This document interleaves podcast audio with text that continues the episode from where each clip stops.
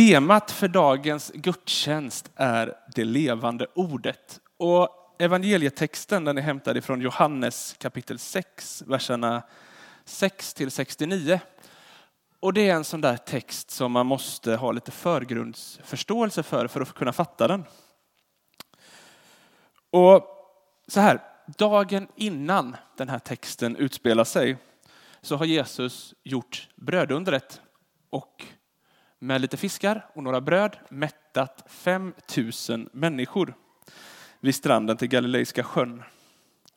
Och efter det så ger sig lärjungarna, Jesus går åt ett håll, lärjungarna ger sig ut med båt på sjön för att åka med båt till andra sidan, till Kafarnaum. Jesus kommer gående till dem på vattnet. Och när det är morgon så är de framme i Kafarnaum och Jesus börjar undervisa i synagogan i staden. Och samma människor som Jesus gjorde brödundret för undrar vart Jesus har tagit vägen och de frågar och de börjar följa efter. Så de kommer också till Kafarnaum där när Jesus börjar undervisa. Det står inte exakt hur många det är, men det var ju 5000 så det är nog ett ganska stort antal människor som följer efter. Och när Jesus börjar undervisa i synagogan så börjar han undervisa om att man måste äta hans kropp och dricka hans blod för att kunna ha gemenskap med Gud, Fadern. Och så står det i texten att folket börjar tvista om hur det här egentligen ska gå till. Och i slutet av den här undervisningen i synagogan, det är då texten kommer från Johannes evangeliet. Och där står det så här. Många av hans lärjungar som hörde honom tala sa, det är outhärdligt det han säger. Vem står ut med att höra på honom? Jesus, som genast förstod att lärjungarna förargade sig över hans ord, sa till dem, får det här er att vackla? Hur blir det då om ni får se Människosonen stiga upp dit, dit där han var förut? Det är anden som ger liv, köttet är in, till ingen hjälp. Det ord jag har talat till er är ande och liv. Men det är några av er som inte tror. Jesus visste ju från början vilka som inte trodde och vem som skulle förråda honom. Och han fortsatte. Det var därför jag sa er att ingen kan komma till mig om han inte får det som en gåva av Fadern. Då drog sig många av hans lärjungar tillbaka och ville inte längre följa med honom. Och Jesus sa till de tolv, inte vill väl ni också gå er väg? Och Simon Petrus svarade, Herre, till vem skulle vi gå? Du har det eviga livets ord och vi tror att vi förstår att du är Guds helige. Vi ber tillsammans. Tack Herre att du är här just nu, mitt ibland oss. Öppna våra öron, våra ögon, våra sinnen för vad du vill ha sagt till oss här idag. Amen. Det är ingen överdrift att säga att Jesus verkligen, verkligen skulle behöva en god PR-strateg som kunde hjälpa honom i den situation som han nu befinner sig i. För efter att ha undervisat i synagogan i Kafarnaum så har verkligen Jesus skapat ett medialt haveri. Dagen innan hade 5000 människor lyssnat till honom och följt med honom när han skulle undervisa. Och Johannes låter oss som sagt ana att det är ganska många av de här som följer med. Och en bra PR-strateg skulle nog säga att Jesus skulle utnyttja den här situationen. Och han skulle nog säga till honom efteråt att du har nog inte utnyttjat den här på ett speciellt bra sätt. Allt var ju uppdukat för Jesus. Det var medvind och folk följde med honom. Och hade haft, Jesus haft en bra PR-konsult vid sin sida så hade han nog sagt att passa på nu och smid medan järnet är varmt. Här ska skaffas fler efterföljare. Tror jag rådet hade varit. Och istället så sätter sig Jesus och undervisar om att vägen till Gud går genom hans kött och blod. Och det var inte det som människorna ville höra. Och en efter en så lämnade de.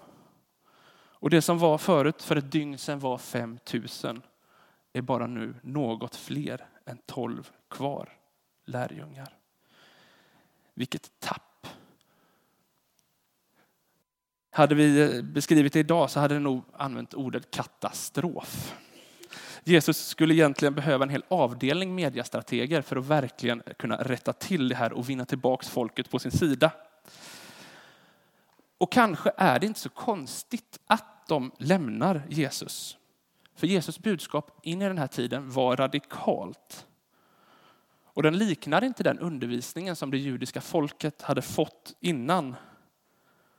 Den var obekväm och kanske rubbade dem, eller rubbade den människornas världsbild. Och vem skulle inte lämna då?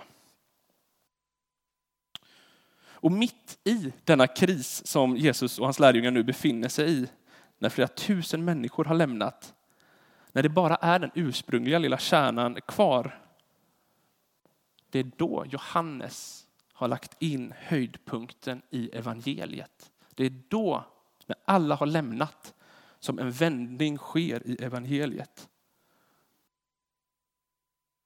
Ingenting talar längre till Jesus fördel. Folk har slutat lyssna. Och det är då som Petrus säger, Herre, till vem skulle vi gå? Du har det eviga livets ord och vi tror att du är Guds helige. Och jag tänker att det här är ord som får lärjungarna, de som är kvar, att verkligen hoppa till av flera anledningar. För det första när Petrus säger, Herre till vem skulle vi gå? Uppenbarligen fanns det ju ganska andra många platser att gå till. Flera tusen människor hade ju precis lämnat och gått till någon annan plats just. Men det är framför allt den andra strofen som jag tror att lärjungarna häpnade över. Och det är orden när Petrus säger, du är Guds helige. Och det är ord som lärjungarna är bekanta med. I Petrus ord så ekar gamla testamentet för dem. Och i gamla testamentet så är det endast Gud som är helig. Och att säga att någon är Guds helige innebär att säga att denna personen är Gud. Och det är det Petrus säger när alla har lämnat Jesus. Att Jesus är Gud.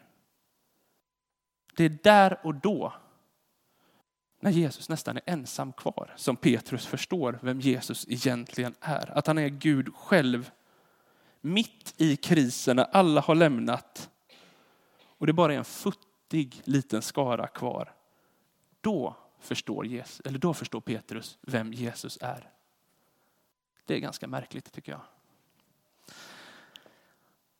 Och liksom i Israel för drygt 2000 år sedan så lever vi i en värld där krisen bara är runt hörnet för oss. Det finns så många kriser runt om oss. En del är stora, en del är små. Jag läste på Aftonbladet i fredags att det skulle komma ett monsterlågtryck med skräckregn. Det låter verkligen som en kris. Tänker ett skräckregn, det vill man inte vara med om. Det finns så många kriser och jag ska inte ens nämna den krisen som Växjö Lakers befinner sig i nu. Inte ett ord. Tittar man ur ett globalt perspektiv så befinner vi oss just nu i en miljökris. En kris som vi alla har en del i och som vi alla är drabbade av. En kris som vi inte kan blunda för. Vi har krig som pågår runt om i världen, till och med i Europa, inte långt ifrån oss, pågår ett krig. Och I krigets spår så följer en flyktingkris som vi har fått höra om och sett, då människor tvingas lämna sina hem på grund av kriget och fly. De senaste veckorna har tidningarna fyllts av artiklar om den senaste krisen, en virusepidemi från Kina som riskerar att få globala följder. Det finns många kriser globalt. Vi pratar också om att det finns en kris i kyrkan och det är sant.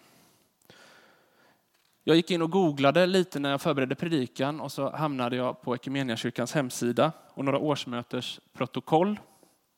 Och de senaste tre åren har i genomsnitt 14 församlingar lagt ner sin verksamhet inom Equmeniakyrkan. Alltså en församling i månaden har lagt ner sin verksamhet. Och fram till det att Missionskyrkan gick upp i Equmeniakyrkan så hade medlemsantalen pekat neråt sedan 30-talet. Det är ingen överdrift att kalla det för en kris. Den lokala församlingen lider ibland av kriser med jämna mellanrum. Inre splittring, är inte ovanligt. Vi är en gemenskap som tror och tycker olika och med jämna mellanrum så skapar det här spänningar i församlingen och krisen är inte så långt borta, även här. Och även på det personliga planet så går vi människor igenom kriser i våra liv. Livet är skört. Sjukdom, utmattning eller när någon nära går bort. Det skapar kris i våra liv. Krisen är aldrig långt borta. Att leva innebär att vi möter kriser. Och när krisen kommer, stor eller liten, global eller personlig, så har den en tendens att sluka oss allihop. Och mitt i den så har vi svårt att höja våran blick och kunna se bortom den. Krisen liksom lägger en blöt filt över våra liv. Jag tror att det är till exempel därför som människor känner klimatångest. Ångesten lägger en blöt filt till följd av miljökrisen. Och Jesus och hans lärjungar befinner sig som sagt mitt i en kris i dagens evangelietext. I en situation som skulle kunna få vem som helst att vackla. Flera tusen människor har precis lämnat dem och det är mitt i det kaoset som Petrus inser vem Jesus är. Att han är Guds son.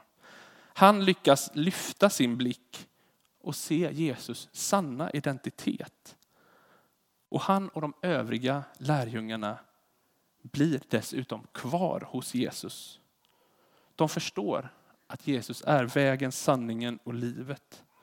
Och de förstår att Jesus ord är, som han själv säger, ande och liv. Och de blir kvar hos Jesus trots det som nu har hänt.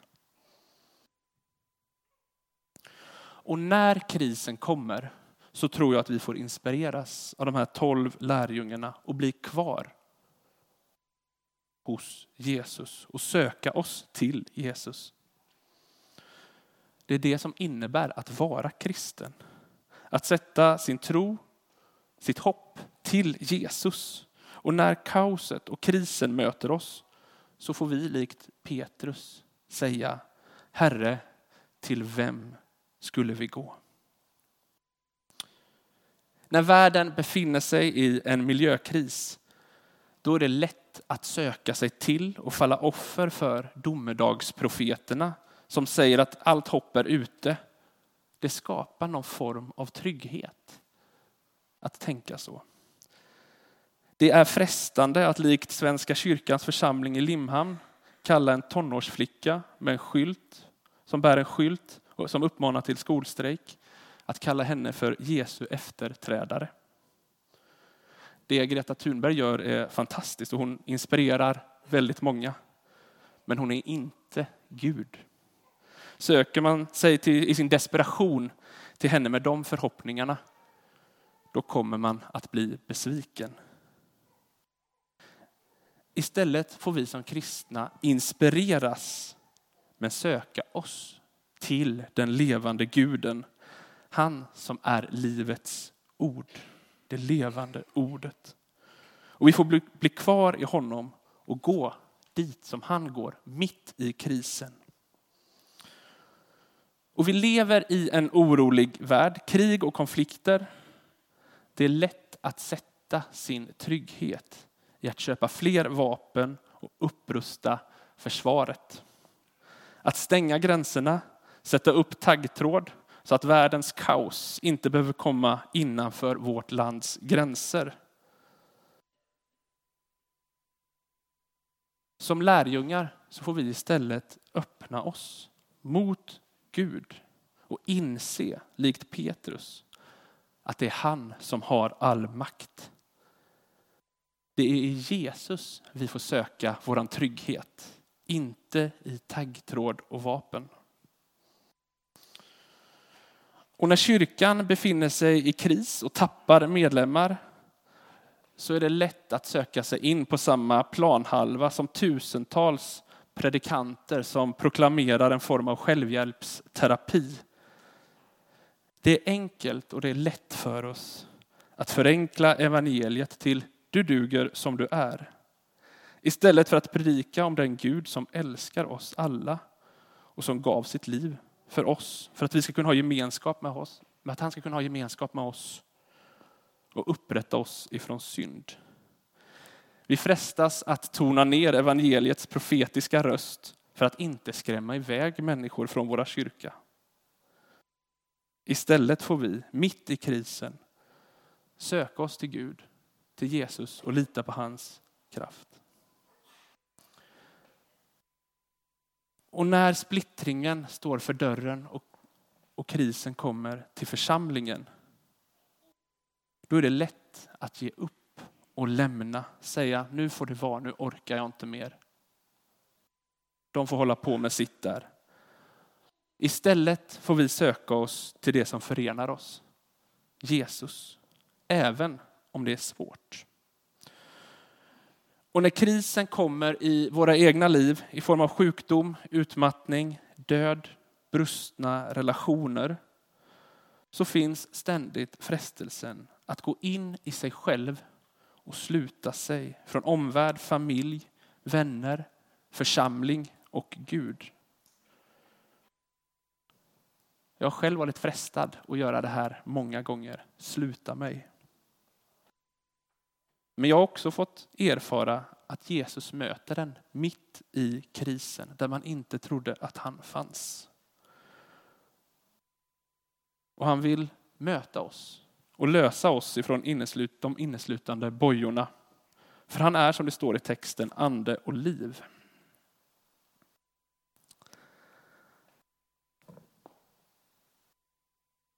Det här kanske låter enkelt, men det är inte det. Att våga bli kvar och våga stämma in i Petrus ord. Herre, till vem skulle vi gå? Det är inte enkelt. Och det tänker jag Petrus själv är det främsta exemplet på.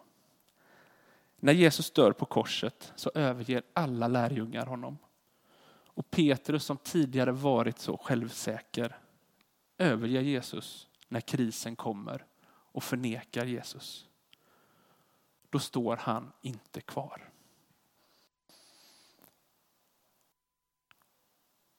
Men då när Jesus går igenom sin personliga kris efter att ha svikit och lämnat Jesus. Det är då Jesus möter Petrus på nytt.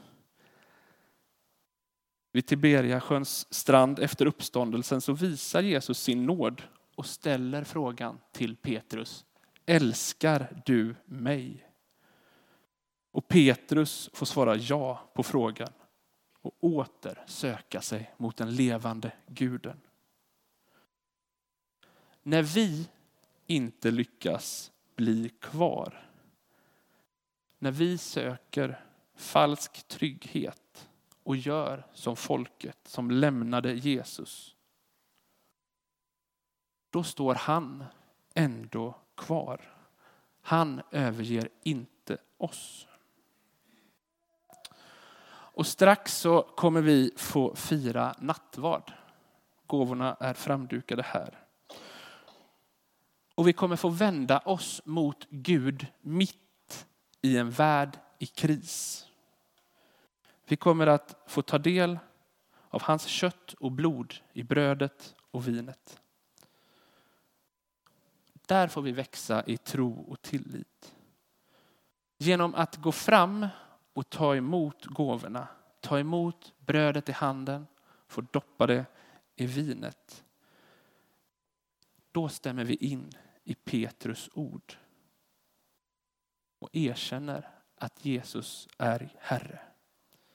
Och vi instämmer i hans ord. Herre, till vem skulle vi gå?